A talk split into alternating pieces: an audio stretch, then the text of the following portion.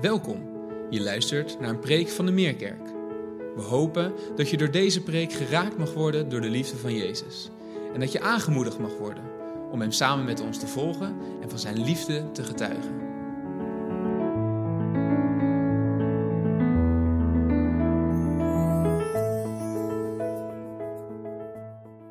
Goedemorgen, Meerkerk. Wat goed om elkaar te zien. En wat is het lang geleden weer. Veel. We gaan vandaag ja, eigenlijk hetzelfde doen als altijd wanneer ik hier ben. Iets uit de Bijbel lezen. Daar samen wat over nadenken. En dan bidden. Zo eenvoudig is het. De weg van de Heer en van zijn woord. Het is vandaag, ik weet niet of dat in deze kerk ook zo is, maar in een heleboel kerken is het uh, Vredeszondag. En bij Vredeszondag dit jaar, bij bouwen en herbouwen, moest ik denken aan Coventry. Daar staat een kathedraal die op 10 november 1940 door een Duits bombardement is verwoest. En de predikant van die kerk die ging naar de brokstukken en vond daar in de balken van het dak spijkers uit de tijd dat die kerk gebouwd werd, 600, 700 jaar geleden. Met de hand gesmeden vierkante lange spijkers. Daar heeft hij er vier van meegenomen, twee in de lengte, twee in de breedte. Heeft hij daar een kruis van gemaakt. Coventry Cross. En het Coventry Cross, dat is aanleiding geworden tot het Coventry gebed. En het Coventry gebed, dat wordt gedeeld door steden die in de oorlog allemaal een groot verlies hebben geleden. Diezelfde predikant is aan het einde van de Tweede Wereldoorlog naar een Duitse stad gegaan, waar de kerk was gebombardeerd door de Engelsen. En hij heeft dat kruis daar gebracht. En van de predikant van die kerk kreeg hij een steen mee uit de brokstukken van zijn kerk. En de les die daar voor mij in zit, is dat als je christen bent, dat de brokstukken niet het einde zijn. Maar dat die het begin kunnen zijn van opnieuw bouwen, van verzoening, van nieuwe vrienden maken en van verder gaan samen. En nu 80 jaar later zijn er over de hele wereld op deze dag en door de week, vaak iedere week of iedere twee weken, groepen van mensen die bij elkaar komen om te bidden vanuit dat initiatief van Coventry.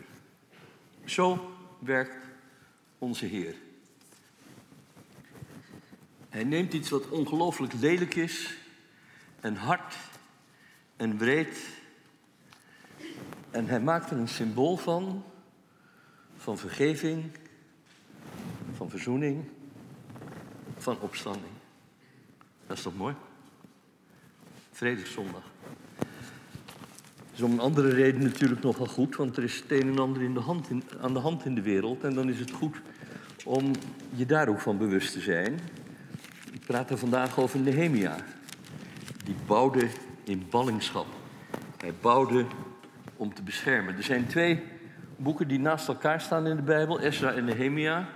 Ezra was een geestelijke en Nehemia die was een soort van butler aan het hof van koning Artaxerxes in wat wij tegenwoordig Iran noemen. En dan moet u denken aan ongeveer 445 voor Christus, tijd geleden. En Ezra die was al voordat Nehemia komt met een groep Joden teruggegaan naar Israël, naar Jeruzalem. En dan waren ze ook weer begonnen met de eredienst. Maar wat ze nog niet hadden, was een veilige plek.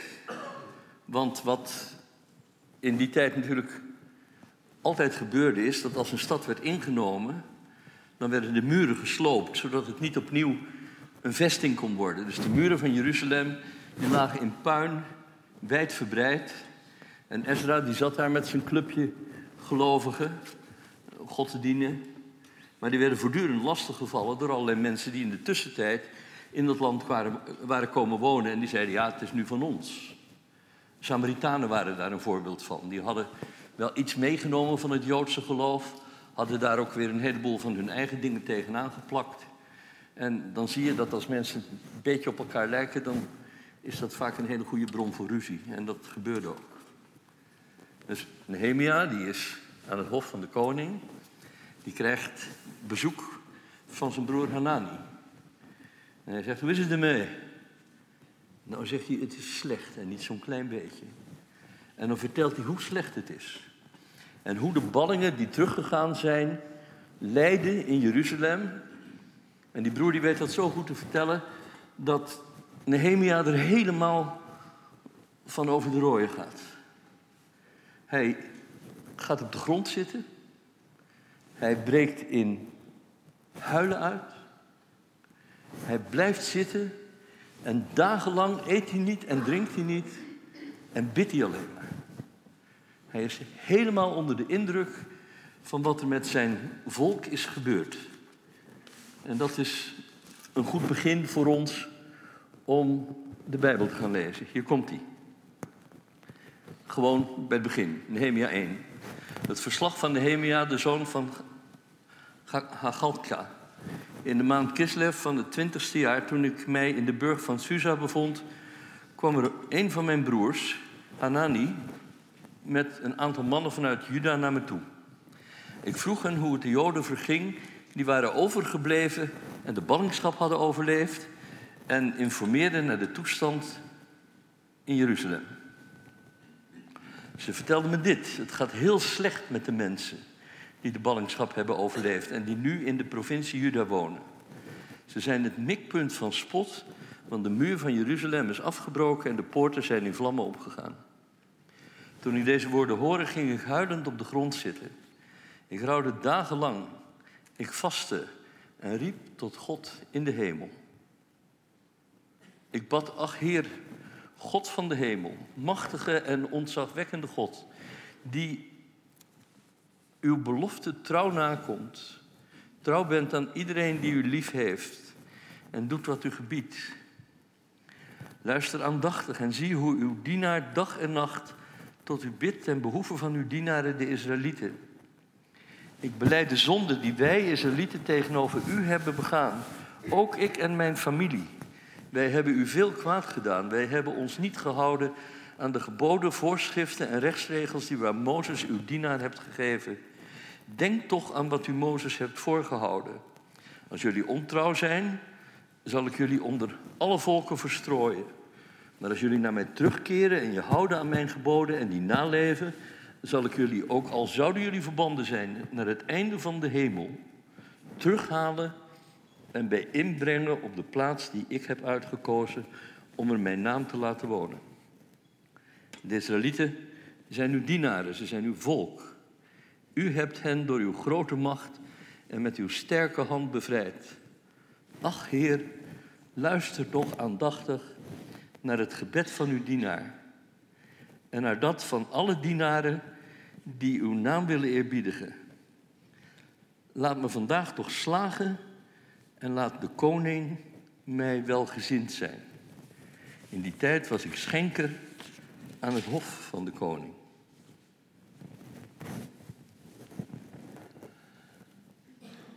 Nehemia is voor mij een heel oude liefde. Al meer dan 60 jaar. Toen ik 16 was, toen ging ik naar een kamp in Haamstede, een evangelisatiekamp. En we hadden daar iemand die de Bijbelstudies deed, die later directeur van Youth Christ werd, een Canadees, dominee George Brooks. Hij deed een serie Bijbelstudies over Nehemia, waardoor je bij wijze van spreken naast hem kwam te zitten. Zo levendig. En daar leerde ik ontzettend veel van. Als je Nehemia eh, vandaag of de komende weken eens rustig op je gemak leest, dan moet je daar ongeveer twee uur vooruit trekken om het goed tot je door te laten dringen. En laat me eerlijk zeggen, als ik het in een uur wil doen, dan sla ik alle lange uh, lijsten met namen die je nauwelijks kunt uitspreken, die sla ik over en dan denk ik amen. En dat scheelt je een paar hoofdstukken. Maar dan heb je het verband in ieder geval, wat er gebeurt. En dit is het begin van wat er gebeurt en we gaan straks verder kijken. En als je dat leest, dan valt je op dat Nehemia behoort tot dat genre waar ook de brieven van Paulus toe behoren. Het is autobiografische theologie. Als je luistert naar wat ons verteld wordt over God, dan heb je zelfs in het kleine stukje wat we gelezen hebben al heel veel gehoord over de trouw van God. Over het feit dat God wel trouw is, maar niet gek. Hij heeft ook gezegd, als jullie mij ontrouw zijn en ontrouw blijven, dan zal ik je verstrooien onder alle volkeren. En hoe hij dat deed, dat kun je dan in de richteren lezen. Dat de mensen voortdurend met andere goden bezig waren en met andere volkeren. En dat er daardoor een vermenging optrad, waardoor ze de greep op hun eigen land kwijtraakten. En dat op een gegeven moment de Filistijnen en alle anderen kwamen en de boel gewoon overnamen. Zo ging dat. Maar ook, zegt Nehemia, herinner ik mij dat u beloofd hebt dat als wij ons weer tot u keren, dat u ons dan van de einde van de hemel zelfs bij elkaar zult brengen in het land dat u gekozen hebt om uw naam te laten wonen. Daar doet hij een beroep op. En hij zegt al twee keer toe, wilt u wel heel goed luisteren? Luister aandachtig naar mij. Dat is nogal wat. Om uh, tegen God te zeggen, mag ik even de aandacht? Doorgaans is het omgekeerd. Moeten wij van alles en nog wat proberen uit te bannen om onze gedachten een klein beetje te focussen op God. Maar Nehemia zit hier met zo'n enorme focus dat hij tegen God zegt, luistert u ook wel goed. Hebben we wel echt, echt contact. En zo gaat het hele boek door over Nehemia, over wat hij gaat doen, daar gaan we straks naar kijken. En dan tussendoor, als tussenwerpsels bijna, zegt hij soms van, hoor mij God, of God, kijk, zie ons. En dat, dat zijn van die superkleine gebeden die niet zozeer om hun eigen inhoud als wel vanwege het feit dat ze aangeven dat Nehemia bij wat hij aan het doen is, in een houding van gebed leeft. En het grote werk van Nehemia is natuurlijk dat hij van zijn broer heeft gehoord dat de hele muur van Jeruzalem nog steeds in de puin ligt en dat hij wil gaan opbouwen. Hij denkt, hoe ga ik dat doen? Ik werk hier voor de koning. Ik kan niet zomaar weglopen. Dat zou verraad zijn. En dat zou nergens uitkomen.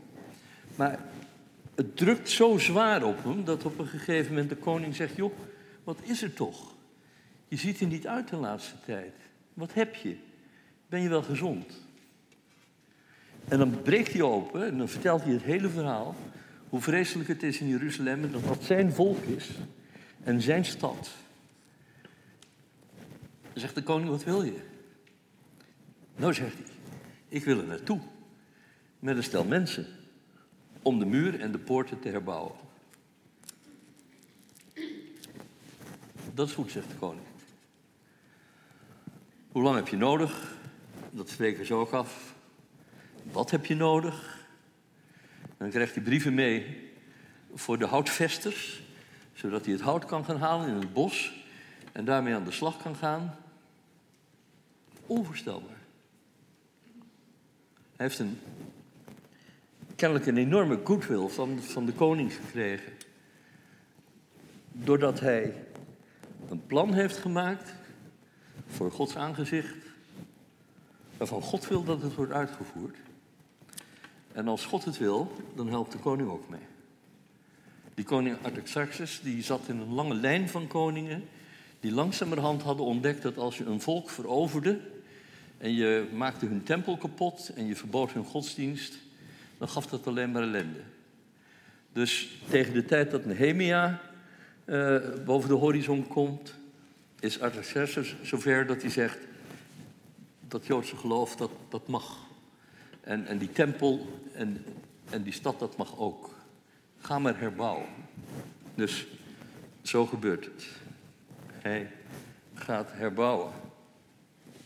Hij speelt op een kaart met de koning. Hij krijgt instemming.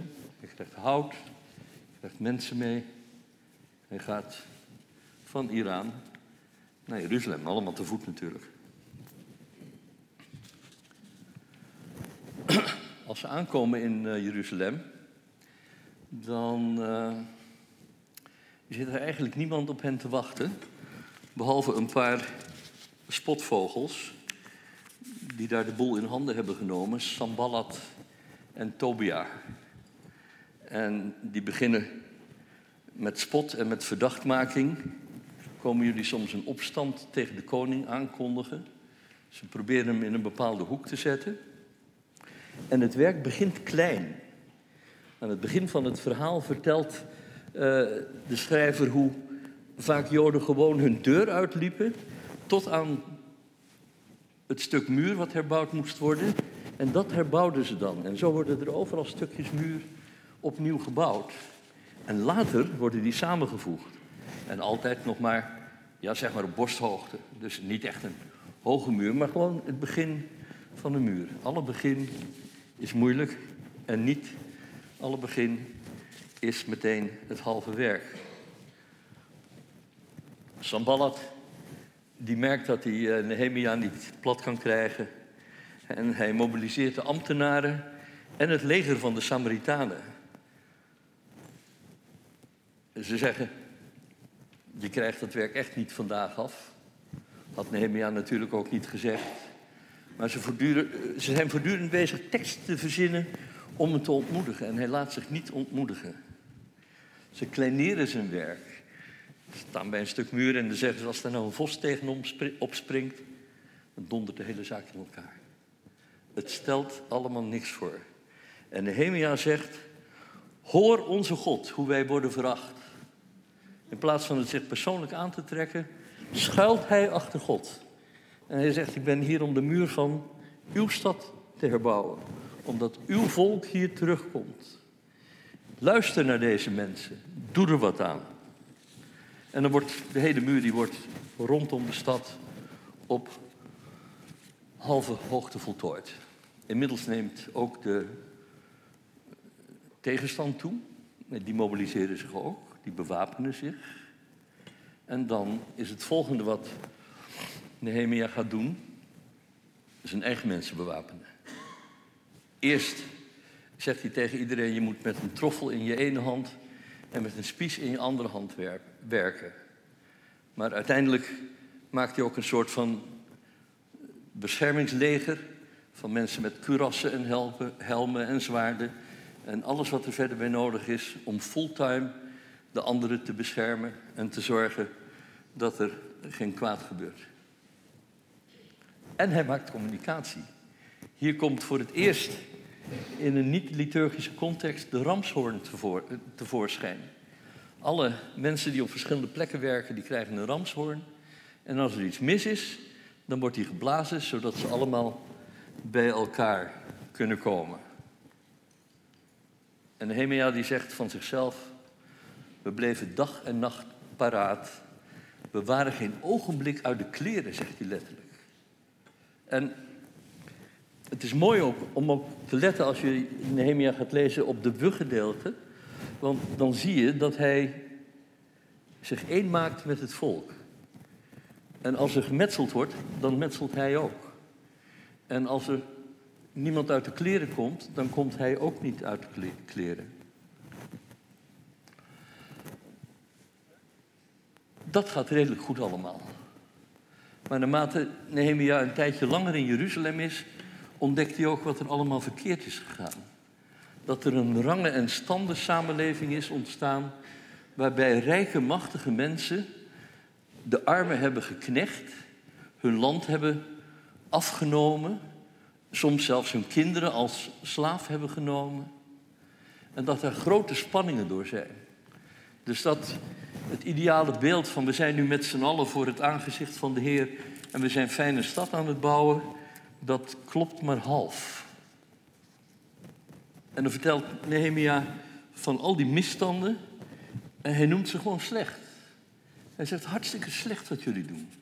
Hij roept de schuldeisers bij elkaar en hij zegt ik roep jullie op om alle schulden en alle rente op schulden kwijt te schelden om al het land wat je van anderen hebt overgenomen terug te geven.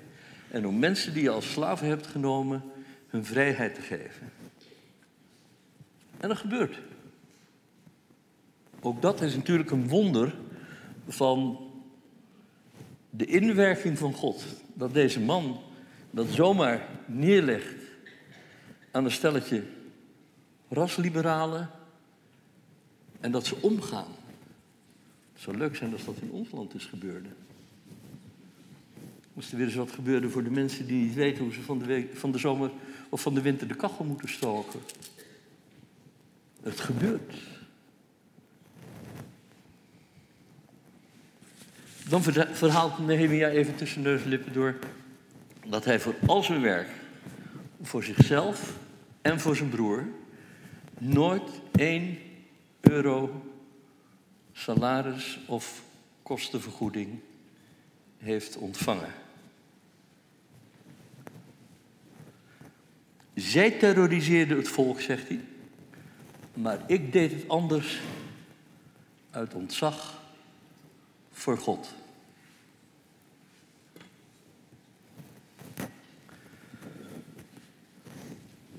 Dit is een tijd waarin normen en waarden vaak in het zakenleven ver te zoeken zijn.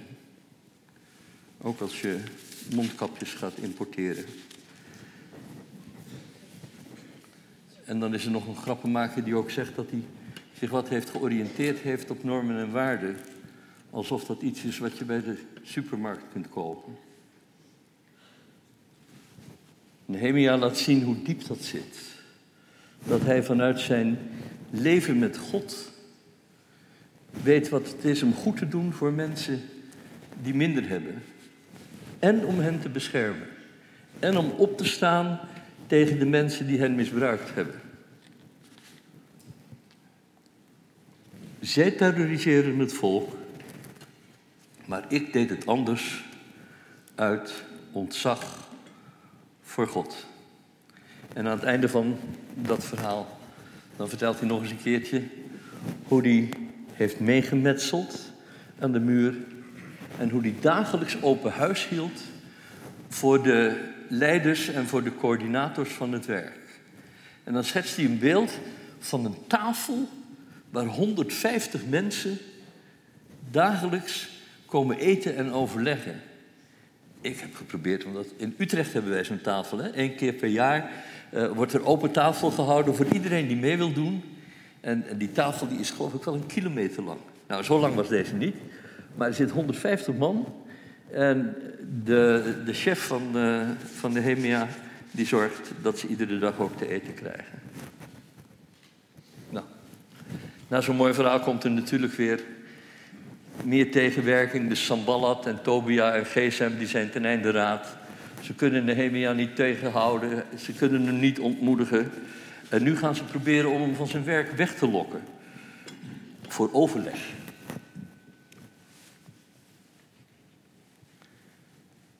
Ik draai al een hele tijd mee in de kerk en in evangelisatiewerk en in interkerkelijk werk. Ik zou geen percentage durven zetten op de hoeveelheid tijd die daar besteed wordt aan praten. Op praten voor de vaak. Waar gewoon niets uitkomt. Avondenlang. Dagenlang. Terwijl als je aan het begin zou zeggen, wat moet er gebeuren? Wie gaat het doen? Hoe gaan we het doen? Wanneer gaan we het doen? De zes journalistieke vragen, wie, wat, waar, hoe. En nog een paar. Dan was je misschien wel binnen een uur klaar met de hele vergadering. En nu gaan Sambalat en Tobia en GSM, die, uh, die gaan van zijn werk afhalen. En ik denk als Nehemia naar ons toe komt, dan kunnen we misschien wel te pakken nemen. Maar zelfs als dat niet lukt, dan gebeurt er in ieder geval niks. Dan ligt het werk stil. Nehemia heeft het door. Hij zegt, ik, uh, ik heb belangrijk werk te doen. Ik kan niet komen. Dat dal waarheen ze hem uitnodigen, dat heet het dal Ono. O-N-O. En een preek die ik er in Canada ooit over gehoord heb. Die ging ongeveer als volgt. Ze nodigde hem uit van, om te komen naar het dal, oh no.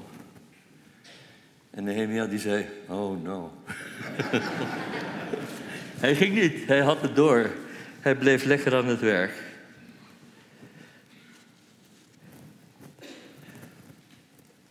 Als klap op de vuurpijl, en dat is dan het eind van alles wat ze kunnen proberen, kopen ze een Israëliet om om te vertellen dat hij een profetie heeft van God. En dat die profetie is dat Nehemia moet vluchten naar de tempel, omdat er mensen zullen komen om hem te vermoorden. Maar ja, met zijn mensenkennis kijkt Nehemia daar dwars doorheen. Hij zegt, joh, jij bent geen echte profeet. Jij bent een huurling van de vijand. Schiet nog gauw een end. En de vrouw.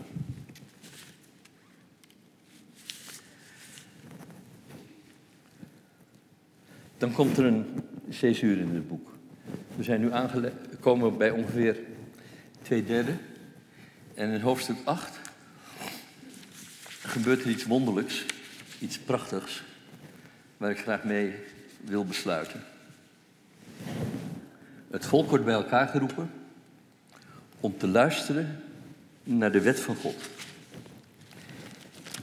En als ze luisteren naar de wet van God, dan raken ze daar zo ontzettend van onder de indruk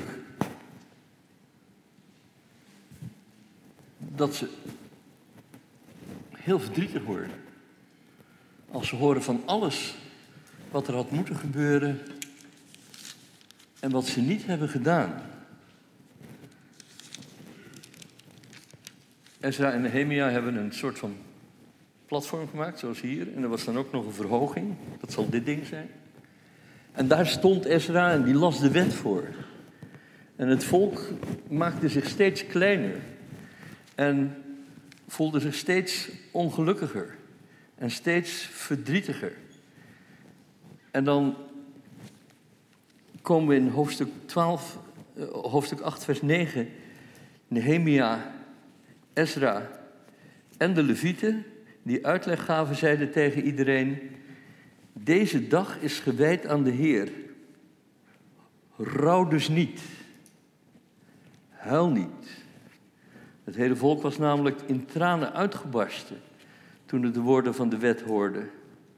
Ezra zei tegen hen: Maak een feestmaal klaar met lekker eten en drinken en deel daarvan uit aan wie niets heeft, want deze dag is gewijd aan onze Heer. En dan het vers wat iedereen kent, die, ook die nog nooit Nehemia gelezen heeft. Laat de blijdschap des Heeren uw sterkte zijn. Wees niet bedroefd, want de vreugde die de Heer geeft, die is uw kracht. Dat is denk ik een motto wat wij in deze tijd, voor het bouwen in deze tijd, ontzettend tot ons kunnen nemen.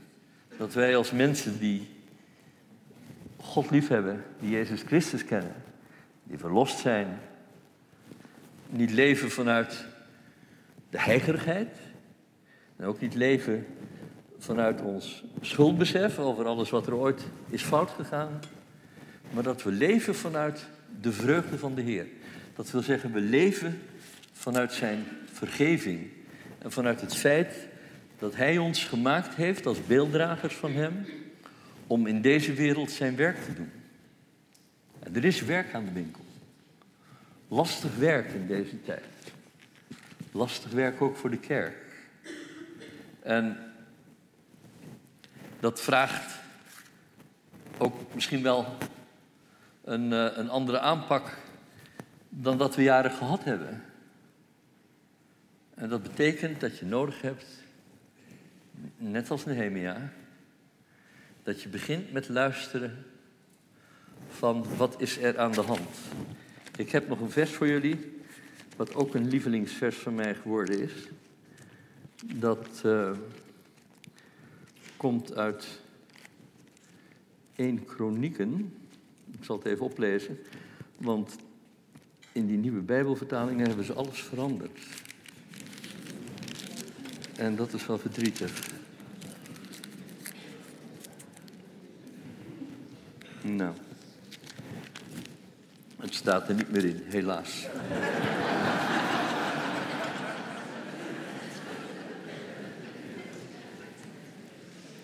Ik zal je vertellen, het gaat over een, over een groep mensen die David volgen. En daar had hij mensen bij uit de stam van Manasse. En die had hij meegenomen omdat ze wisten wat er in deze tijd van Israël gevraagd werd. Mensen die de tijden begrepen, zo staat het er. Als je in een bubbel leeft, dan weet je niet eens dat er buiten je een tijd is. En als je alleen maar bezig bent met je eigen dingen, dan weet je ook alleen maar wat jouw eigen ding in deze tijd is. Maar als je om je heen kijkt, naar de wereld, naar de enorme veranderingen, dan kan dat je ook heel bescheiden maken. Want laten we wel zijn, er zijn twee grote crises. Covid en de Oekraïne, die we allebei niet hebben zien aankomen. Covid heeft niemand zien aankomen. En Oekraïne, daar hebben we heel veel signalen van gehad. En alle politici zijn er gezond doorheen geslapen. En nu zitten we er middenin met z'n allen. Er gebeurt een boel. Er wordt hard aangepakt, gelukkig ook door de kerken. Gelukkig in alle plaatsen in Nederland. En toch ja, blijkt dat er waarschijnlijk de komende tijd nog weer een groter beroep op, op ons zal worden gedaan. Dan is de vraag waar we staan. Of we achteraan staan en zeggen, nou, als ze roepen, dan kom ik wel. Of dat we zelf de voorhoede pakken, zoals Nehemia dat heeft gedaan. En zeggen, wat moet er gebeuren? Wat is er aan de hand? Rouwen over wat er kapot is. En dan de belofte van God aangrijpen, want dat deed hij. Hij zegt eerst eigenlijk in zoveel woorden: God, kijk eens naar de bende om ons heen. En dan zegt hij: Maar wacht eens even, u hebt beloofd dat als wij ons zouden bekeren, dat het weer anders zou worden.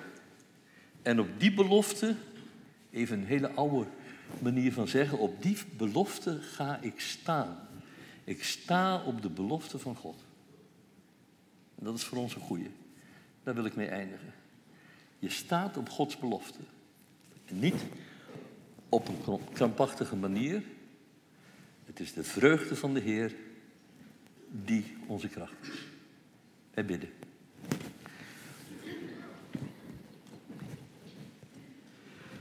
Heer, wij danken u voor dit prachtige leven.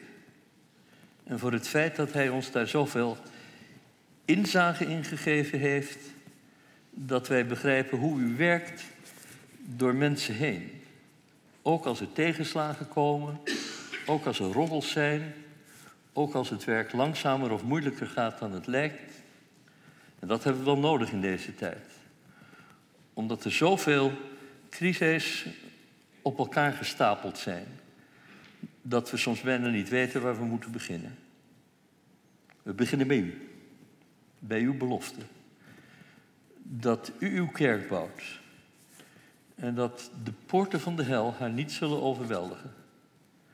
Dat wij als uw kerk in deze wereld mogen dienen en u mogen verkondigen. Amen. Fijn dat je hebt geluisterd. Voor meer informatie ga naar www.meerkerk.nl.